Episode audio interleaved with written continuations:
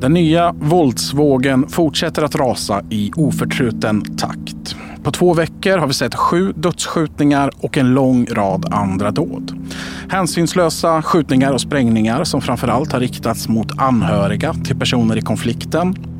Trycket på myndigheterna ökar. Polisen kraftsamlar och man griper inhyrda torpeder på löpande band. Men kärnan i problemet kvarstår och det har upprepats som ett mantra de senaste åren. De gängledare som misstänks driva våldet sitter till synes säkert i Turkiet, utom räckhåll för svenska myndigheter. Men stämmer det verkligen? I dagens avsnitt gräver vi djupare i frågan om, och i så fall hur, man kan ställa den kurdiska räven Rawa Majid och de andra våldsverkarna inför rätta. Du lyssnar på Krimrummet, en podd av Expressen med mig Kim Malmgren.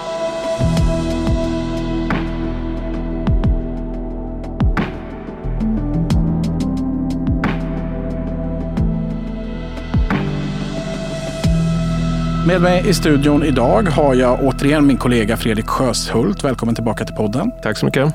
Vi pratade ju om den här våldsvågen i ett avsnitt redan förra veckan, men sedan dess har det hänt väldigt mycket mycket. Hur summerar du den här veckan som har gått? Men om vi börjar på den så kallade turkiska frågan så tycker jag det, det är det som varit mest intressant under veckan som har gått som vi pratade då. Vi hade det uppe då, jag har skrivit en krönika lite tidigare om just behovet av att komma framåt i Turkiet. Men efter den här, under den här gångna veckan så, jag, jag har varit i flera radio och tv-diskussioner eh, om detta. Det var liksom det stora ämnet under partiledardebatten. Frågor har ställts till justitieminister Gunnar Strömmer om detta. Så det har verkligen blivit den stora frågan frågan hur ska vi sätta press på Turkiet för att Turkiet ska hantera problemet med Rawa Majid? Det är verkligen tydligt att eh, trycket ökar och någonting måste hända. Det här är inte ett problem som kommer att lösa sig självt. Eh, Redan förra veckan då så hade vi uppgifter om att den här våldsspiralen den grundar sig i en internkonflikt i toppskiktet av det kriminella nätverket Foxtrot. Den här konflikten den står mellan en falang som är fortsatt lojal mot den kurdiska räven Rawa Majid på ena sidan och den andra sidan leds av en person vid namn Ismail Abdo. Han var tidigare en av Rawa Majids närmaste män i narkotikahandeln i samma nätverk. Den svenska delen av den här våldsvågen den inleddes för två veckor sedan när Ismail Abdos mamma, en kvinna i 60-årsåldern, sköts till döds i Uppsala. Därefter så har en rad misstänkta hemdåd följt där personer med olika grad av koppling till Rawa Majid har angripits. Och vi vet att de här våldsspiralerna de, de kommer och de går. De brinner i regel väldigt intensivt ett tag för att sedan klinga av. Men ju mer vi lär oss om den här konflikten, desto mer får jag i alla fall känslan av att det här är en konflikt som de kriminella kommer ha väldigt svårt att lösa sinsemellan. Ja, men det är klart att det är väldigt mycket ont blod i den här internkonflikten, men det är också ökade risker då med tanke på att de som nu strider vet ju väldigt mycket om var olika personer bor, hur de har skydd kring sig, vilka som är viktiga för dem och så vidare. Så det är klart att det här det är ju en väldigt speciell situation. Sen ska det kanske sägas då att de sista sju dagarna har väl mordfrekvensen minskat något, men det är ändå så att varje morgon väcks man ju till nyheter om att det varit en skjutning där och en bombning där. Och det det bara fortsätter. Det är det som är så hemskt och det är såklart att det är så att snart kommer det bli fler mord igen. Häromdagen så var jag i kontakt med en välplacerad källa på Ismail Abdo-sidan i den här konflikten. Och jag fick väl inga signaler då på att våldet är på väg att ebba ut, utan snarare tvärtom. Den här källan berättar att det är mordet på Ismail Abdos mamma som har lett till den här situationen som vi befinner oss i nu. Källan säger att de kommer inte upphöra med våldsdåd förrän Ravamajid Rawa Majid antingen dör eller grips av polis. Och jag får också höra att det här som kallas för familjekortet, att familj ska man inte angripa i den kriminella miljön. Det här familjekortet är numera att betrakta som borta. Och även om man från, från den sidan då säger att man helst avstår från att attackera anhöriga till gängrivaler så kommer man att göra det om man inom citationstecken måste. Ett helt annat spår som vi har, har sett utveckling på i veckan det är att den här våldsspiralen det är någonting som har börjat få personer i Turkiet att lyfta på ögonbrynen.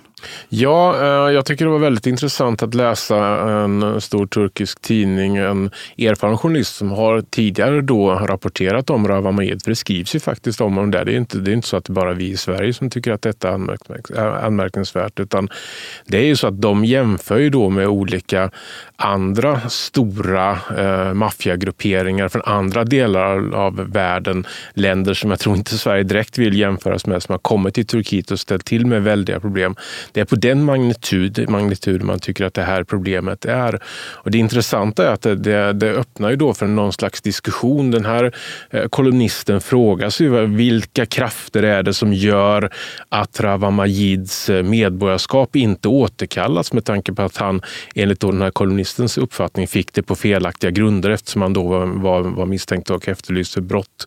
Eh, och det är ju sådana frågor som börjar ställas och kom, bubblar de upp till ytan så tror jag att det kan börja hända saker i Turkiet. Det var väldigt intressant att läsa den, den, här, den här kolumnisten. Här tar man ju också upp den här principen som man har i Turkiet med medborgarskap i utbyte mot investering. Och eh, om du investerar 400 000 dollar i Turkiet så, så kan det bana väg för ett medborgarskap. Och så som han resonerar är att vi fick 400 000 dollar och det vi betalar med nu, det är genom kulor. Och det är då den här skottlossningen som det sitter ett antal svenskar för eh, i Istanbul som skedde i alltså ett finare område. Att det då sker i, i liksom på, på, på, på finare adresser i Istanbul, det gör ju att såklart att folk får upp ögonen för det och det börjar skrivas om det. Och då är frågan vad som är lösningen.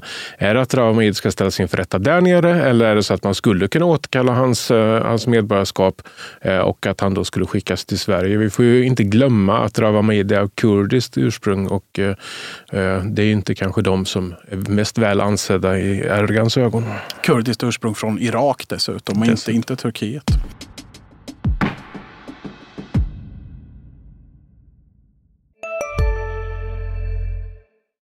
Nu på Storytel. Första delen i en ny spänningsserie. En liten flicka hittas ensam i en lägenhet hennes mamma är spårlöst försvunnen. Flickans pappa misstänks för brottet men släpps fri trots att allt tyder på att han är skyldig. Olivia Oldenheim på åklagarkammaren vägrar acceptera det och kommer farligt nära gränsen för vad hon i lagens namn tillåts göra. Lyssna på När allt är över av Charlotte Al-Khalili på Storytel. Det här med att vi har två väldigt motiverade sidor i konflikten med högt våldskapital, där man kan anta att båda är väldigt välfinansierade och att de styrs från Turkiet. Det leder oss på något vis in i kärnan av det här avsnittet. Och det handlar om huruvida man kan komma åt de gängledare där de befinner sig. Att antingen få dem utlämnade till Sverige eller att få dem åtalade på plats i Turkiet. För att prata om detta så välkomnar jag ännu en gäst in i avsnittet. Välkommen till krimrummet, Lise Tam. Tack så mycket. Du är chefsåklagare och har tidigare varit chef på Riksenheten mot internationell och organiserad brottslighet. Du har lång erfarenhet i de här frågorna. Om vi börjar med utvecklingen just nu. Hur ser du på den våldsvåg som sköljer över Sverige? Ja, det är givetvis eh, alarmerande men det är inte förvånande. Eh, eftersom det här handlar ju om blodshämnd. Och ehm, eh, ena sidan har ju gjort någonting som är egentligen även förbjudet bland kriminella, nämligen dödat en mamma.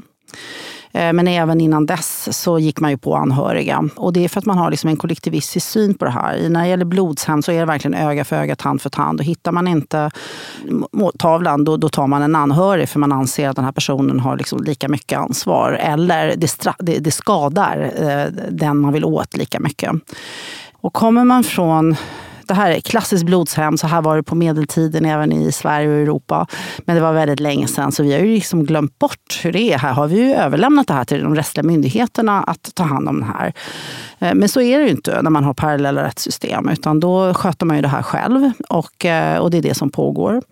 Eh, och det kommer vi fortsätta tills de slutar. Och ehm, i normala fall i de länderna där det här är vanligt eh, Mellanöstern och afrikanska länder och så. Där har man ju eh, två kanske klanledare eller så som samtalar med varandra och kommer överens och så kompenserar man den ena sidan om någon har gjort något dumt. Men här är det inte så. Här finns ju ingen klanledare som kan se till att det blir fred därför att de lyssnar inte på någon. Eh, och, och, det gör att de är lite mittemellan olika kulturer kan man säga. De har bott liksom för länge i Sverige så att de inte är inne i det här men de har fortfarande det här med blodshämnden och hela hederskulturen, att ja, de har blivit kränkta och så. Så att, eh, det här kommer fortsätta tills eh, de inte orkar längre eller tills de har, eh, har haft ihjäl varandra. Och, eh, det har vi sett i andra sådana konflikter där det har blivit så. Det stoppar först när tillräckligt många har tagits av daga. Och det, så det är väldigt obehagligt. Och det, det, vi ser det är en våldsnivå som vi inte riktigt har sett i Sverige förut. Det intensifieras hela tiden. Och om man har två så här motiverade sidor och ansvaret har lämnats över till rättssamhället så funkar ju inte det riktigt i det här fallet. För de, de som misstänks driva våldet, de finns i Turkiet och det har upprepats som ett mantra i medierna att de, de är utom räckhåll för svenska myndigheter. Våldsvågen styrs från Turkiet, där kommer man inte åt dem. Din bild, stämmer det?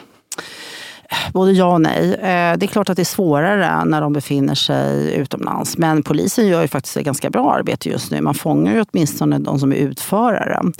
Tyvärr är det de här jätteunga barnen då, eh, och unga tonåringarna som är, är klantiga och som lämnar spår efter sig. Och polisen har också blivit mycket duktigare på, på att ta dem ganska kort efter att det har hänt något. Så att de blir lagförda, men det, de drabbas ju inte så väldigt hårt. Då. Eller jo, de drabbas väldigt hårt för att de kan ha tvingats att göra det här. Men, men det är fortfarande så att, precis som du säger, anstiftarna befinner sig eh, utomlands. Eh, men eh, det finns ju... Eh, att, att de skulle lämna ut sina egna medborgare, eh, det kommer inte att hända. Eh, Varför inte? Det gör ju inte Sverige heller. Det är en gammal sån princip. Man, har man de här rättsliga principerna som vi har i Europa, så är det ju inte i alla länder. De anglosaxiska systemen har ju ett annorlunda system. Där lämnar de ut. Å andra sidan så har de en snäv jurisdiktion som kan inte åtala för saker som har hänt utanför deras land. I Sverige tvärtom. Vi kan åtala för saker som har hänt utanför Sverige, men vi lämnar inte ut våra egna medborgare utan vi lagför andra saker som har hänt utomlands, till exempel krigsbrott som har hänt utomlands. Det lagför vi i Sverige. Utan det som kan hända, det är ju, dels har, han ju, har de ju ett reseförbud mer eller mindre, för så fort de lämnar Turkiet, då går det ju att lämna ut dem. Så att, eh, eh, råkar de åka till eh, ja, något annat land, till Spanien, någonstans i Europa, vips, då kan de ju bli gripna och, och, och hamna i Sverige. Eh, det man gör istället är att man överför lagföringen, som det heter. Och då krävs ju ett omfattande samarbete. Man skriver ett avtal med det landet, eh, man översätter materialet eh, och eh, hjälper dem på olika sätt att lämna över hela bevisningen. Men eftersom rättssystem skiljer sig lite åt så kan man göra olika bedömningar av hur den här bevisningen ser ut, om den håller eller inte. För det är fortfarande det landet som beslutar själva helt självständigt om de tycker bevisningen håller eller inte. Men om vi, om vi bara stannar lite, vi ska komma tillbaka till lagföring, men om vi stannar vid att eh, medborgarskapet här. Hur ser du på möjligheten att man kan återkalla medborgarskap i det här fallet? Att Turkiet skulle säga att eh, det finns tveksamheter. Vi ser ju att det finns tveksamheter kring de här medborgarskapen. Jag kan ju inte svara på det alls. Eh, jag vet bara, jag har läst i tidningarna, jag har läst vad den tidigare ambass svenska ambassadören i Turkiet har sagt och att, att det här är lite grann av en affärsidé. Att eh, det är ju ett sätt att få in pengar in i Turkiet. Att man köper sig ett eh, medborgarskap om man har väldigt mycket pengar. Och då är det ju en väldigt dålig affärsidé att upphäva det. Så att, den tror jag inte så mycket på. Du tror mer på att överföra lagföringen? Ja, det är nog det enda sättet eh, så rent eh, tekniskt. så. Men sen så finns det ju, man kan ju svälta dem också genom att försöka strypa alla möjliga penningtransaktioner. Förhindra liksom, eh, ja, man kan vidta åtgärder på det sättet. Det här med överföring av svenska domar till då till exempel Turkiet. Om vi tar Turkiet som exempel så har eh, svenska politiker, svenska polisen och åklagare varit väldigt tydliga med att det är ett land där man har en stor problematik. Jag tror det finns 30-40-tal grova kriminella som är efterlysta som polisen tror befinner sig i Turkiet. Men det finns väldigt få fall där man har hört att man har använt sig av det här verktyget med att döma någon i Sverige och sen skicka över domen. Varför har vi inte sett det? Nej, det är inte så. Ja, alltså, det har funnits några fall, men i det här fallet vill vi inte skicka över en dom. Vi har ingen dom. Vi vill skicka över en förundersökning och så vill vi att de ska väcka åtal och sen döma i turkisk domstol. Det är faktiskt en mycket längre process. Hur tror du man kan göra för att som snabba på? Nu har det gått ett antal år och våldsvågen eskalerar ju här. Vad finns det för möjligheter, ser du, för att man ska snabba på den här processen för att få en lagföring till stånd i Turkiet? Jag vet ju inte riktigt vad de redan gör. Jag bara utgår ifrån att de har ett omfattande samarbete med Turkiet. Det finns ju nu då det här avtalet. Så det är nog väldigt politiskt känsligt också vad som görs och därför tror jag inte vi hör någonting om det av naturliga skäl. Men jag, jag tror, personligen tror jag på personliga möten. Eh, jag tror att eh, i andra fall där vi har jobbat med andra länder så har man ju haft kanske en utredare på plats som hjälper till att tyda och förklara hur, hur vi har tänkt här. Hur, varför ser varför ser det ut så här? Eh, eftersom alla har ju sitt eget rättssystem. Och vi måste komma ihåg att Sverige har ett helt unikt rättssystem som inte liknar något annat. Så att, eh, där behöver man nog eh, vara på plats och så att säga, vägleda i hur man har tänkt i den svenska förundersökningen. Och sen kolla upp vad mer bevisning behöver ni? Vad, hur ska det se ut? Hur ska det presenteras så att ni kan använda er av det? Vad, eh, hur ska vi presentera på ett annat sätt? Behöver ni annan typ av bevisning som vi inte har tagit fram därför det behövs ju i ert system? Alltså man måste gå ner på detaljnivå med de turkiska myndigheterna, med, med, med de operativa eh, krafterna där. Vi har ju, polisen har ju sambandsmän på olika ställen utanför EU. Vi har inga sambandsåklagare. Jag skrev om det för ett tag sedan. Vad tror du om de här tanken på att ha en sambandsåklagare som sköter ja. detta i Turkiet? Ja, men jag tror att det skulle vara en bra idé att ha. Och den kan man ju ha bara ad hoc just nu. Det är ju sånt som kommer behövas i andra delar av världen också. Jag kan tänka mig att man skulle kunna behöva ha en sån i Sydamerika till exempel. Man, man skulle nog behöva eh, ha det. Eh, inte bara för den här utredningen utan generellt generellt för dem, alla de brotten som, som är till exempel riktade i förhållande till Turkiet nu. Att det är flera liksom, förundersökningar som pågår.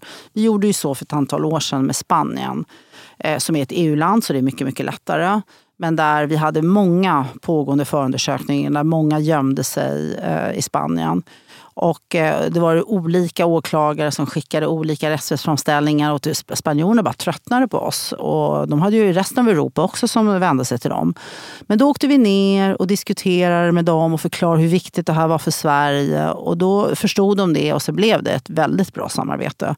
Men nu har ju alla de här kriminella, eftersom det blev så bra samarbete, förstått att där kan de ju inte vara. För då blir de ju överlämnade enligt eh, NIAV. Så att, eh, därför har man ju...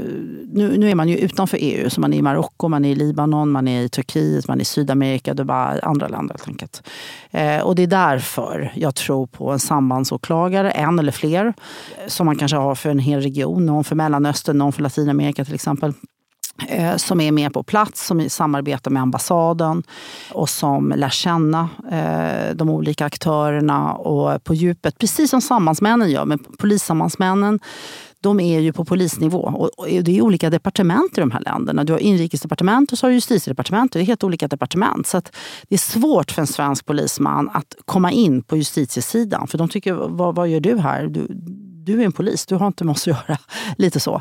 Det är inte som i Sverige där vi är liksom en väldigt platt hierarki. och så. Det, det, är annorlunda i andra länder. Och därför så, väldigt många andra länder har det här. Alltså alla de stora EU-länderna, men även givetvis USA och så. Men även mindre EU-länder. Alltså Belgien har det, Nederländerna har det. Och då har de placerat dem där det är viktigt. Jag menar, till exempel i Marocko. Ja, det är också ett sånt exempel så där det behövs. Du var chef på Rio när Turkietproblematiken började växa i omfattning. Vi kunde se efter Encrochat att många lämnade Spanien, många tog sig till Turkiet. Vad har du för erfarenheter av Turkiet i, i hur dialogen har sett ut i sådana här fall? För svenska åklagare har ju begärt eh, misstänkta utlämnade men fått nej. Ja, eh, vi har ju haft med Turkiet att göra i olika sammanhang eh, och det har ju varit eh, lite svårjobbat i olika sammanhang. Men vi har ändå lyckats. Jag kan ta ett annat lyckat exempel. Vi hade ju ett eh, krigsbrott eh, alltså grovt för, ja, för ett tag sedan med en man som befann sig i Turkiet som hade flytt från Syrien som hade blivit torterad. Jag vet inte om ni minns det. Där hade vi ju samarbete med Turkiet. Det tog några månader innan det blev Eh, Eh, så att säga, vi fick den hjälp vi behövde, men vi fick ju den. Så att, eh, där fungerade samarbetet. Så att, eh, men men det, det, tar lite längre tid, och, men det har det gjort i väldigt många förundersökningar. Med min egen förundersökning på Marklöv, jag fick ju vänta nio månader på försvar från bosniska myndigheter innan jag fick åka dit. Så att, helt ovanligt är det inte att det tar tid. Eh, det är utanför, allt som är utanför EU tar tid. Men, men sen, sen har det ju hänt mycket. Och det här var ju långt innan eh, liksom, NATO-ansökningar och koranbränningar och så. Så det, det, läget är annorlunda mot när jag var chef där. Men, men vi har ju haft samarbete med Turkiet i alla möjliga fall. Och det har gått mer eller mindre bra beroende på, men jag tror fortfarande på personliga kontakter. Och så måste man förstå, de måste förstå hur, hur, hur det här krockar med vårt rättssystem. Hela den här öga för öga, tand för tand, hela den här blodshämnden. För dem är den vanlig, det är normalt. Det är ju inte det hos oss. Så vi kan få hjälp av dem att förstå vad kan det vara deras nästa steg? Vad, vad ska vi tänka på som inte vi tänker på därför att vi inte är vana vid det? De är ju vana vid det, de kan ju det här.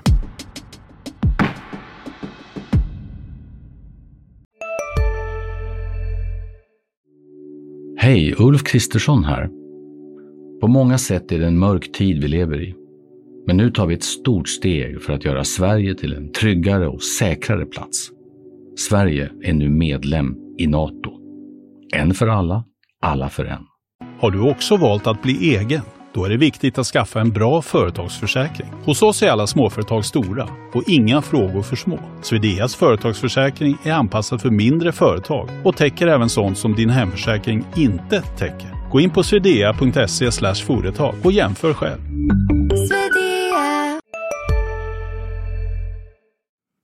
Väldigt mycket det senaste året har handlat om Rawa Majid. Det är narkotikahandel och våld på en sällan skådad nivå med svenska mått mätt. I Diamant Salihus bok När ingen lyssnar finns det beskrivet hur det fanns krafter inom polisen som försökte slå larm kring Rawa Majid redan 2020-2021. I boken så finns det kritik om att polisledningen valde att prioritera annat då och att det kanske banade väg för den utveckling som vi ser nu. Då var Rawa Majid häktad i Utevaro för väldigt omfattande narkotikahandel. Det var åklagare Henrik Söderman hos dig på Rio som, som hade det ärendet som fortfarande är aktivt. Hur upplevde du som chef det här tidiga kapitlet i den här följetongen? Mm. När eh, polisen kom och drog det här ärendet så blev vi väldigt intresserade. Och, eh, Henrik fick det här ärendet. Eh, jag var med i första dragningen, så jag kommer ihåg det. Och eh, sen så var det ju en del små ärenden vid sidan om som vi förstod hängde ihop och då tog vi in dem som elit och, och sen hette de ju allt möjligt, lego, de hette allt möjligt de här olika ärenden. Så att eh, Henrik samlade dem och så, fick, så var de ju ett par åklagare, det var ju en till åklagare som hjälpte honom då Just för att man skulle få helheten och göra en ordentlig satsning, en insats helt enkelt. Och man åtalar, han åtalar ju även hans föräldrar. Och, så att, och vi tittade på allt, även på pengarna. Och, eh, som sagt var, föräldrar åtalas ju för penningtvätt och så. Men vi åklagare styr ju inte över polisresurserna. Vi tyckte ju polisen gjorde ett jätte, jättebra jobb. Eh, men sen har jag förstått, jag har ju också läst Jamans bok, att eh, man inte ville ha tillräckligt mycket resurser i det ärendet. Och det var väl synd. För att jag menar, vi, på åklagarsidan så satsar vi ju liksom så alltid vi kunde. Liksom. Han, han blir häktad i Utevaro i augusti 2020 och försvinner då utomlands. Och där blir det ju eh, så småningom ett polistillslag där man mm. försöker då gripa mm. honom. Jag antar att det också är en, en del av ett sånt här utländskt samarbete där man mm. faktiskt får till ett försök mm. till ett gripande. Mm. Det blev inget den gången, men, men själva mm. insatsen genomfördes. Ja. Jag vet, man, man, vi gjorde stora ansträngningar för att få tag i honom. Och, eh, det är ju en specialitet på, på Rio. Så att, eh, här är man ju duktig på att försöka jobba ihop med de enheterna på polisen som är specialiserade på det och som samarbetar med sina utländska kollegor. Eh, de är ju väldigt duktiga på att hitta folk och hjälpa till med det. Men eh, han är ju smart och har ju pengar. Så att eh, han lyckades ju snabbt ta sig till Turkiet. Och trots att han var att han var misstänkt för brott och efterlyst så fick han ändå ett medborgarskap i Turkiet. Vad jag tror att man måste titta på det är möjligheterna att eh, strypa alla penningströmmar. Och vad tänker du på då, som det ser ut nu alltså? då? Mm, jag vet faktiskt inte hur han... Nu har han ju så gott om pengar och har vi säkert investerat dem på ett bra sätt och så. Men jag menar, Allt kanske inte är i turkiska banker, allt kanske inte är, jag vet inte hur. Man måste ju kartlägga det Eh, och se vad finns det för möjlighet. Precis som ryska oligarker och andra. Man måste ju se vad... För det, det, det blir svårt att leva då eh, om man inte har resurser. För det, han, det är väldigt dyrt. Det han gör nu, han måste skydda sin mamma, han måste skydda andra anhöriga.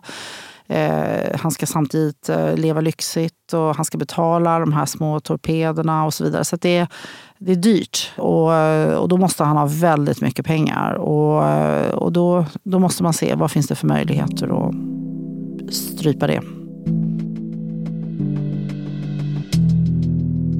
Du har ju varit chef över Rio, som åtminstone min bild av det är att de åklagarna som hamnar där, de är väldigt drivna, väldigt kompetenta och eh, ses som åklagare som kan driva stora fall, bygga sammanhang, ta de här i mål. Lite av ett, något, något sorts A-lag inom Åklagarmyndigheten.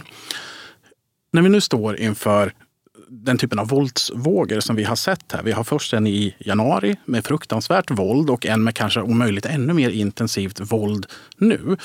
Så är åklagarna på Rio inte inblandade i att utreda detta. Utan man har då ett A-lag av åklagare som inte används när vi har de här våldsvågorna. Hur ser du på det?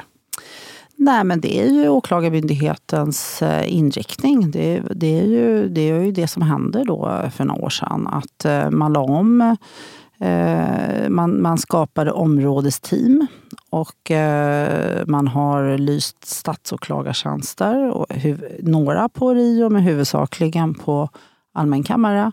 Och eh, det man sa det var väl att man ville öka åklagarmyndighetens kapacitet. Och det har jag verkligen full förståelse för. För det, med den våldsvågen kan ju inte Rio ta alla de här målen. Men det är självklart att du har väldigt, väldigt kompetenta åklagare på Rio. Eh, det finns väldigt många kompetenta på allmänkammare också, ska jag lägga till.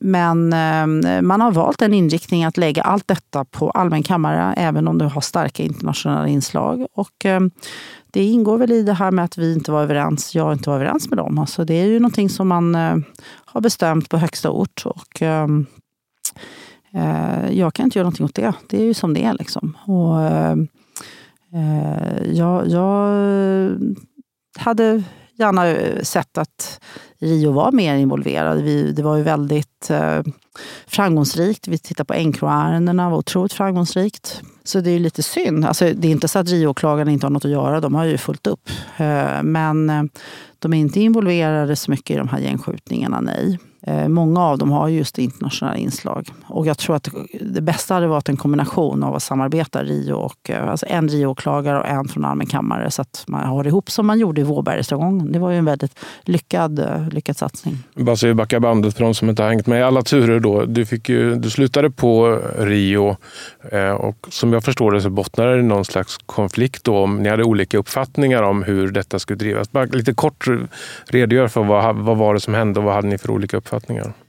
Nej, men vi var väl inte överens om hur det skulle utvecklas. Jag ville ju utveckla Rio och eh, det var mitt under Encro-perioden. Vi hade extremt mycket att göra och eh, man expanderar ju hela åklagarväsendet och anställt väldigt många fler åklagare men inte Rio. Mm. Utan, och då kan man säga procentuellt sett har ju Rio krympt. Då. Och, eh, och sen har ju Rio en del specialfunktioner såsom krigsbrotten, immaterialrättsbrott, eh, internationella funktionen där man har alla inkommande begäran och rättslig hjälp utlänningar från utlandet.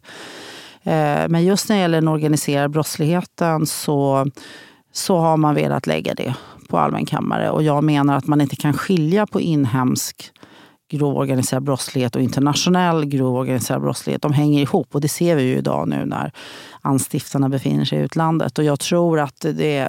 Men vi hade olika uppfattningar och jag kan inte göra någonting åt det. Det är ledningen som bestämmer helt enkelt.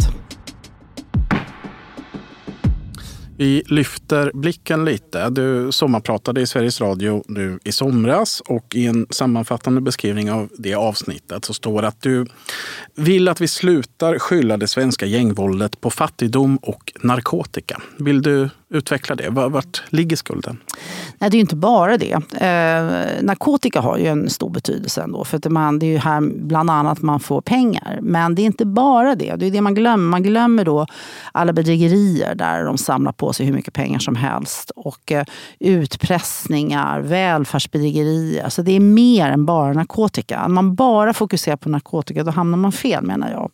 När det gäller fattigdomen så är det ganska eh, väldigt tydligt alla fattiga eh, begår inte brott. Det är ett litet, litet fåtal som begår brott. Och det finns det massor med forskning på. Att det, det, är, även om du växer upp i ett utsatt område och har fattiga föräldrar så är det verkligen inte så att eh, du blir eh, kriminell. Verkligen inte. Och det, det, är helt andra, alltså det är andra saker som ska till. Det är riskfaktorer, men det är inte en orsak. Eh, och eh, det, det, forskningen säger det är ju att personer som har svårt med eh, impulskontrollen och personer som har svårt att följa regler, det är de som hamnar. Och de ser man jättetidigt och det är de man ska koncentrera sig på och hjälpa jättetidigt från det de är väldigt, väldigt små. Alltså tidigt i förskolan ska man fånga upp de här pojkarna som nästan alltid är och lära dem att du måste följa reglerna helt enkelt.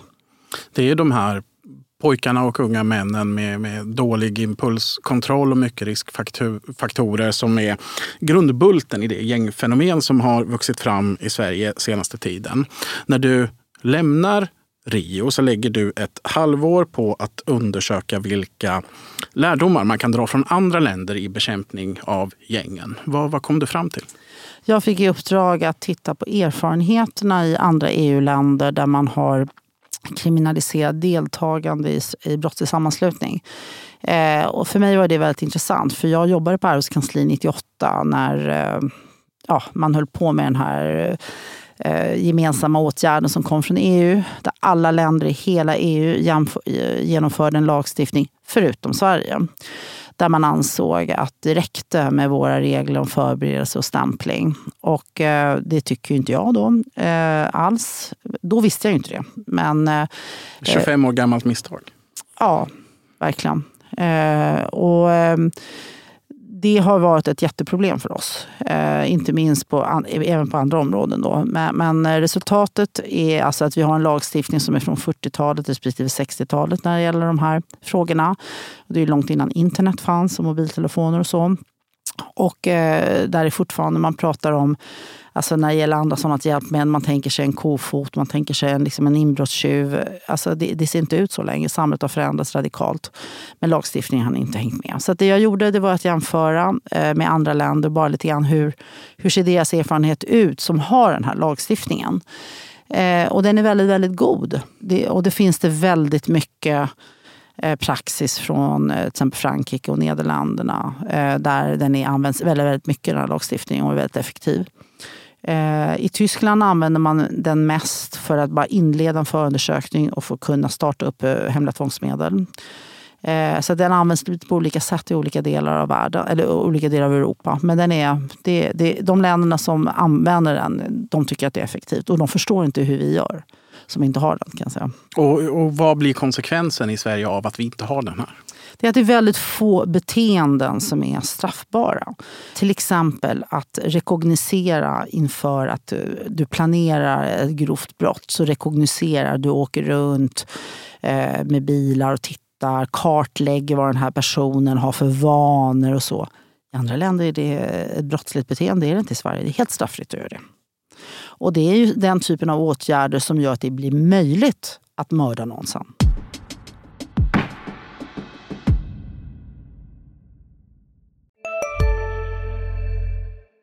Hej, Synoptik här. Hos oss får du hjälp med att ta hand om din ögonhälsa. Med vår synundersökning kan vi upptäcka både synförändringar och tecken på vanliga ögonsjukdomar. Boka tid på synoptik.se. Hej, Susanne Axel här. När du gör som jag och listar dig på en av Krys vårdcentraler får du en fast läkarkontakt som kan din sjukdomshistoria. Du får träffa erfarna specialister, tillgång till lättakuten och så kan du chatta med vårdpersonalen.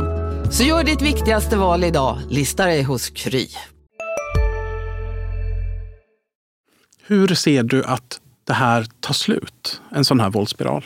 Jag var ju inne på det för en liten stund sedan att eh, det är svårt att stoppa det eftersom eh, hade det varit eh, normalt i ett land där det här pågår, där du har alltså en hederskultur och klaner som som slåss mot varandra, då hade de högsta hönsen eh, helt enkelt eh, träffats och gjort upp. Och så kompenserar man varandra. Det finns inte i det här fallet. Det finns inga högsta höns som kan göra det. Och, och då är det väldigt, väldigt svårt att stoppa. Eh, det, jag tror bara att det kan stoppas av att eh, tillräckligt många dör och att de själva, själva slutar av någon anledning. Om eh, deras egna anhöriga får dem att sluta. Det, det, ja, ja, det, det är problematiskt för de är liksom mellan kulturerna, de här killarna.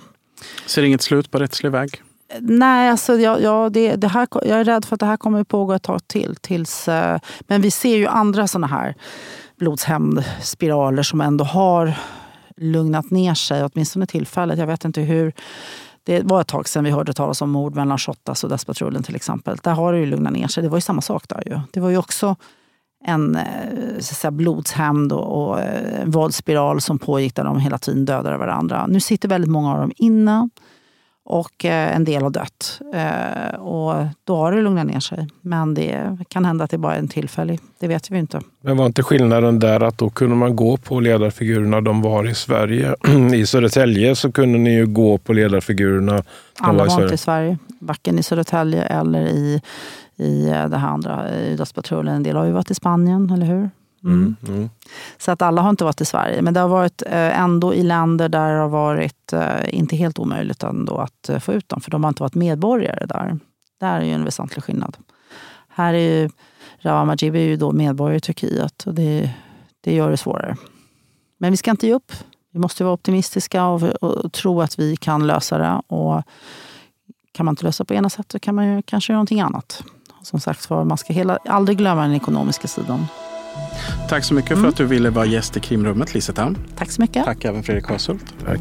Om du som lyssnar har synpunkter, nyhetstips eller frågor är du som alltid välkommen att höra av dig till mig på kim.malmgren.expressen.se. Ett nytt avsnitt av Krimrummet kommer nästa vecka. Lyssna då. Du har lyssnat på en podcast från Expressen. Ansvarig utgivare Klas Granström